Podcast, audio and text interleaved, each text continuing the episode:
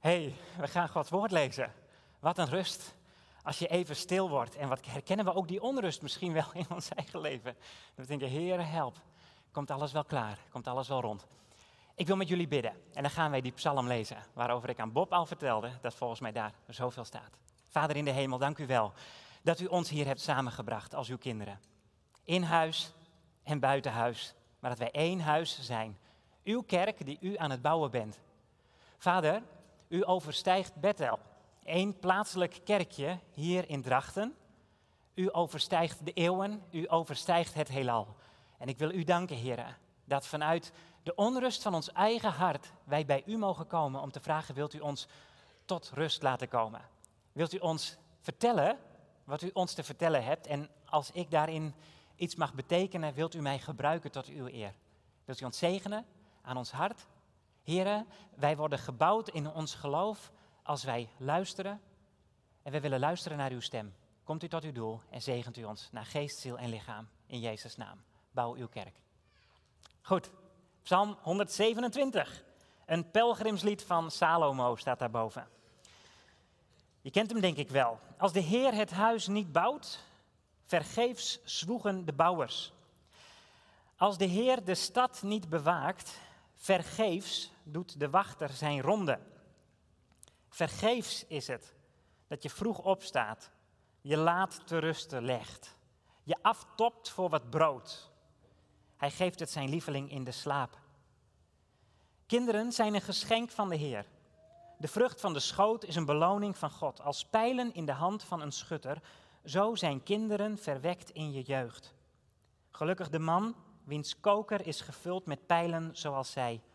Hij staat niet te schande als hij zijn vijanden aanklaagt in de poort. Oké. Als de Heer het huis niet bouwt, dan is al ons werken, al ons ploeteren, al ons zwoegen, is vergeefs. Dan blijft er niets van overeind. Zegt ons Salomo. Salomo was de zoon van David. Salomo was de koning van Israël. En Salomo, als je de boeken leest, de boeken van de koningen, dan zie je dat hij misschien wel die man is die net als Bob hier over het podium altijd alles bij elkaar heeft moeten roepen en zoeken om te bouwen. En als je die boeken leest ook, dan zie je ook, er is denk ik niemand die gebouwd heeft wat Salomo gebouwd heeft, waar zo ontzettend veel mensen op afkwamen. Hij heeft paleizen gebouwd. Hij heeft huizen gebouwd. Hij heeft buitenverblijven aangelegd. Centerparks was zijn idee. En heeft het schitterend gemaakt met alles erop en eraan. En het allermooiste wat Salomo ooit heeft mogen maken, dat was een tempel. Een huis waarvan God zei, daar wil ik mijn naam aan verbinden. Daar wil ik wonen. Salomo had die opdracht gekregen. Kun je het je voorstellen? Dat op een gegeven moment de Heere God bij je komt en die zegt, ik wil jou een opdracht geven. Weet je, als er soms een persoon komt die iets groots in gedachten heeft en denkt, hoe ga ik het van de grond krijgen? En die persoon is heel belangrijk en die wordt gezien door de hele wereld. En die is ook nog stinkend rijk. Dan zal elke timmerman zeggen, elke aannemer, ik wil voor haar staan. En ik hoop en ik bid dat ik die opdracht krijg. Dat ik het mag doen. Nou, zo is de Heere God naar Salomo toegegaan. En heeft Salomo gezegd, jou jongen heb ik op het oog om mijn huis te bouwen. En Salomo is het gaan organiseren. Salomo is het bij elkaar gaan roepen en hij heeft het volbracht. En de hele wereld kwam om de God van Israël, om de God van Salomo te leren kennen. Salomo heeft deze psalm geschreven omdat Salomo iets heel belangrijks heeft ontdekt in zijn leven. Hij had zijn hele leven kunnen werken, kunnen ploeteren en kunnen zwoegen. Maar Salomo wist ook dat huis dat ik heb gebouwd, dat paleis en die buitenverblijven en al die mooie centerparks en die tempel zelfs in Jeruzalem. Als je vandaag de dag naar Israël gaat, dan zie je, heren, die huizen staan daar niet meer. Ze kwamen samen op een plek die zoveel mooier is dan wij ons kunnen voorstellen. Deze eigenlijk doos waar wij nu in zitten. Salomo had het gekregen, maar hij wist ook, Heere God, u bouwt iets wat groter is dan ik mij kan voorstellen. Ik wil jullie één woord voorlezen uit een boek dat, Samuel, dat over Samuel gaat. En daar heeft God aan David, de vader van Salomo, een belofte gedaan. David heeft gehoord van de Heere God. De Heer zegt dat hij voor jou een huis zal bouwen. Wanneer je leven voorbij is en je bij je voorouders te rusten gaat, zal ik je laten opvolgen door je eigen zoon en hem een bestendig koningschap geven. Hij zal een huis bouwen voor mijn naam en hij zal ervoor zorgen, ik zal ervoor zorgen, zegt God, dat zijn troon nooit zal wankelen. Salomo is door God aangewezen om een huis voor God neer te zetten. Maar Salomo, die heeft ook ontdekt in zijn leven, ik ben maar een mens. God heeft zijn zoon, de Heer Jezus, naar deze wereld laten komen. En de Heer Jezus heeft gezegd, ik ga ook een huis bouwen. En dat huis zal groter zijn dan het paleis van Salomo. En dat huis zal groter zijn dan die tempel in Jeruzalem. Toen de Heer Jezus kwam, ontdekten de mensen, en jij en ik hebben het mogen ontdekken, dit is de zoon van David. En dat niet alleen, hij is de zoon van God. En Jezus zegt, ik ben mijn kerk aan het bouwen. Kerk in uitvoering, daar ben ik mee bezig. En weet je, in de bende waarin wij vandaag zitten, en met een opstart die misschien wel voor ons ligt, en je soms denkt, Heere, help. En wat kunnen we het spannend vinden? Waar zijn al onze broers en zussen? Zullen broers en zussen zich weer door u geroepen weten? Als u gezegd hebt, maar ik heb jou op het oog om bij te dragen.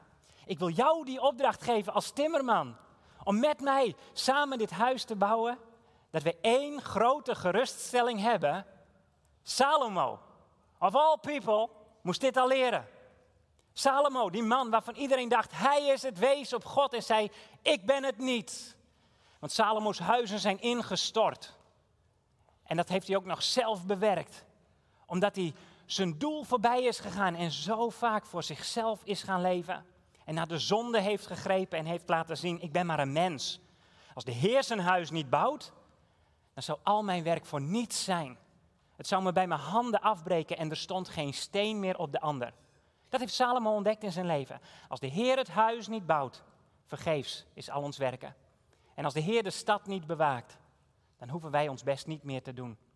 Salomo zegt, ja alsjeblieft, ga aan het werk.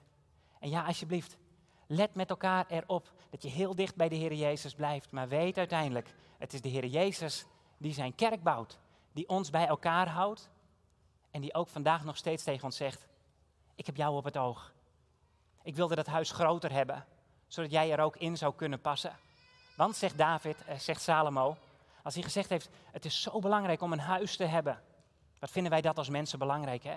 Om een huis te hebben. Een plek waar we thuis kunnen zijn. En zegt Salomo, als die plek dan beschermd moet worden, er moet op toegezien worden dat dat huis veilig is. Dat we daar vertrouwd met elkaar kunnen samenkomen. Dan zegt hij ten derde ook nog, deze drie aspecten van deze psalm. Kinderen, die zijn een geschenk van de Heer. Weet je, maar Salomo heeft zo vaak geleefd voor, voor zijn carrière. En, en, en voor zijn koningschap en om gezien te worden. En de hele wereld aanbad hem. Dat hij er aan het eind van zijn leven achter moet komen. Heren, ik kan het niet vasthouden. En ik kan het niet beschermen. En met al die kinderen die de Heer hem had toevertrouwd, zegt hij: Heren, het grootste doel van mijn leven had moeten zijn. En het grootste doel van mijn leven is om van u te zijn. En om mijn kinderen over u te vertellen. Om gezin van de Allerhoogste God te zijn. Dat kon Salomo niet waarmaken. Maar de echte Salomo, zijn naam betekent Gods vrede. Jezus Christus kon dat wel waarmaken. Jezus wist dat het verlangen van elk mens is om een huis te hebben. Een plek waar je thuis kunt zijn. Waar geen dreiging is, omdat je beschermd wordt die door de muren om je heen staan. Jezus Christus kwam en hij zei: Ik wil jouw leven in mijn handen bergen. En ik heb ze wijd uitgespreid, zei Jezus. Toen jij in jouw zonde verloren ging, hing ik met mijn armen wagenwijd aan het kruis op Golgotha, zodat ik je zonde kon vergeven en nu kan zeggen, kom bij mij en ik hou je vast, ik bescherm je. En, zegt de Heer Jezus vandaag, ik wil dat dit nog bekend wordt aan de volgende generatie. En aan de volgende generatie. Jezus Christus bouwt zijn huis. En dat huis dat zal staan, zoals God het aan David heeft beloofd, tot in alle eeuwigheid. En daarvan mogen wij een eerste opbrengst zijn. Zijn kerk, ook hier, in deze omgeving, waar wij aan onze kinderen mogen vertellen, Jezus leeft. Hij bouwt zijn huis, het is een groot huis en je bent er welkom. Ik wil jullie een plaatje laten zien van St. Paul's Cathedral. Gisteren is uitgelekt dat als de koningin van Engeland zal sterven, daar een spontane dienst gehouden zal worden. Dat is deze cathedral. Die staat daar al sinds 1711. Toen was hij volgens mij klaar. Maar zo'n 45 jaar daarvoor was het Christopher Wren die als architect, als bouwkundige, mocht gaan ontwerpen wat voor kerk daar in Londen neergezet zou worden. Dit is hem geworden, St. Paul's Cathedral. En uh, dat, dat, is een kerkgebouw. Nou, die is zeker vier keer zo groot als de ruimte waarin wij nu zitten met elkaar. En die staat er dus al ruim 300 jaar. Toen Christopher Wren het ontwerp maakte voor deze kerk, toen wist hij wat daarvoor nodig was. En de mensen zijn bij elkaar gezocht om die kerk te gaan bouwen. Christopher Wren heeft geen steen gelegd van dat huis dat daar is neergezet. Maar over een tijdspanne van 45 jaar, hij was 44 toen hij begon, hij was 79 toen de kerk uiteindelijk voltooid was, heeft Christopher Wren gezien hoe honderden mensen hebben bijgedragen aan St. Paul's Cathedral. De Heer Jezus die heeft over de kerkgeschiedenis uitgesmeerd dat prachtige plaatje voor ogen. Hoe groot en hoe magnifiek en hoe mooi zijn huis zal worden.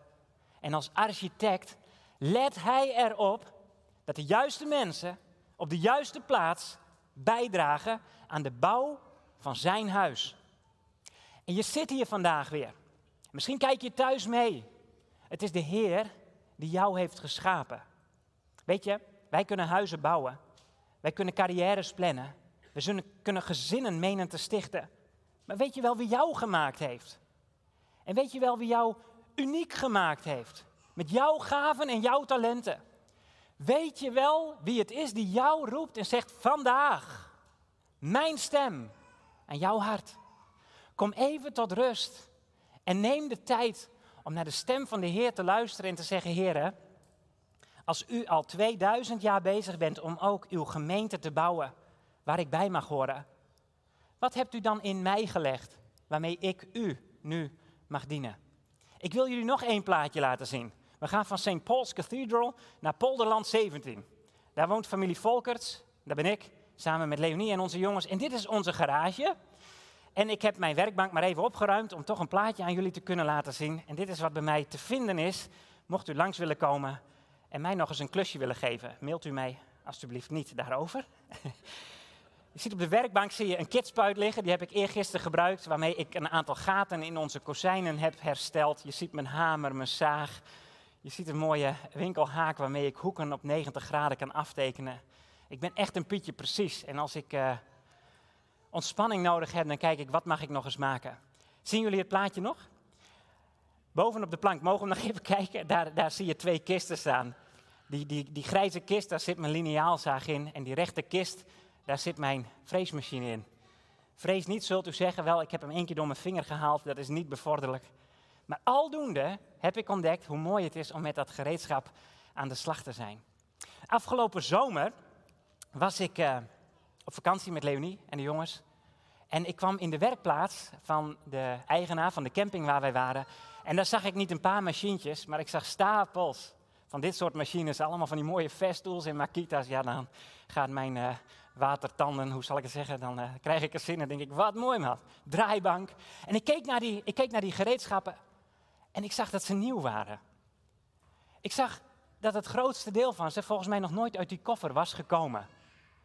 En toen, toen moest ik denken aan het verhaal dat een hele lieve broer mij ooit vertelde. Die was op een zijspoor geraakt. Die was al een tijdje afgehaakt voor het werken in Gods koninkrijk. Zijn focus was geworden nu. Zijn focus was geworden vandaag. Gezin, leven, werk. En de kerk was op afstand komen te staan. Tot hij op een gegeven moment een preek van Henk Binnendijk hoorde op de radio. Die zei: Het kan zo zijn dat de Heer soms attributen aanschaft waarvan hij weet: hier kan ik hem voor gebruiken. Dit wil ik bewerkstelligen door deze persoon heen. Weet je wat de Heer begint, maakt hij af. Maar je kunt bouwen, zegt Paulus, met, met goud en zilver. Jezelf laten gebruiken door de Heer en er komt iets moois op dat fundament dat Jezus is. Maar je kunt ook niks doen met je gaven en talenten.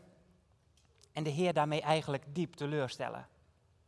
En Henk Binnendijk vertelde deze broeder, het was over de radio, dat hij weer teruggebracht werd door de Heer.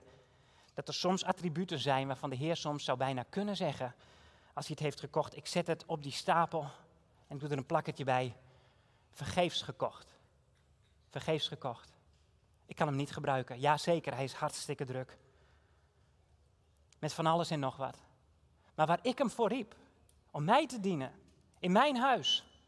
En om de kinderen te vertellen dat er een Heer is die leeft. Want daar gaat deze psalm over. Gezin, thuis zijn, kinderen doorgeven dat Jezus leeft. Voor de eeuwigheid, het is van levensbelang. Hij is op een zijspoor geraakt. En deze broer werd teruggeroepen door de Heer. Want ik geloof inderdaad dat wat de Heer doet nooit vergeefs is. Dat kan de Heer niet. Alles wat de Heer doet is doelgericht. En hij komt tot zijn bestemming met iedereen. En de persoon werd teruggeplaatst in Gods koninkrijk. En hij nam zijn gezin en zijn kinderen weer mee. En ze kwamen onder Gods woord. En ze dienen de Heer. Ook in het huis van de Heer en ze dragen bij. Weet je, het is de Heer Jezus die tegen jou zegt: Ik heb jou niet vergeefs gekocht. Maar wat ben jij in mijn koninkrijk? Ik heb jou je gaven en talenten geschonken. Weet je, wij zijn broers en zussen en wij doen ons best om elkaar soms op weg te helpen. Als wij naar betel.nl slash thuiskomen gaan, dan zien wij hoe we elkaar willen helpen. Om weer in een bediening te stappen. Maar onze hoofdvraag is niet om te gaan doen wat wij van je vragen. Onze hoofdvraag is om thuis te komen. Om te zeggen, Heer, u beschermt me. En nu wil ik delen met al mijn geliefden wie u bent. En dan te ontdekken, Heer, wat vraagt u van mij? Wat vraagt u van mij? De Heer heeft een roeping op jouw leven gelegd. Om met de gaven en talenten die Hij jou schonk te zeggen: Wil je ook bijdragen aan dat huis waar ik al 2000 jaar op toezie, waar ik al 6000 jaar op toezie? Wil je er onderdeel van zijn? Straks draait de geschiedenis om en dan zijn we in Zijn aanwezigheid en dan kunnen we zeggen: Heer, hier ben ik. Met dat kleine beetje dat ik mocht doen voor u. En de Heer zegt: Ja, maar kijk eens even naar het geheel wat het is geworden. Soms vragen mensen mij iets.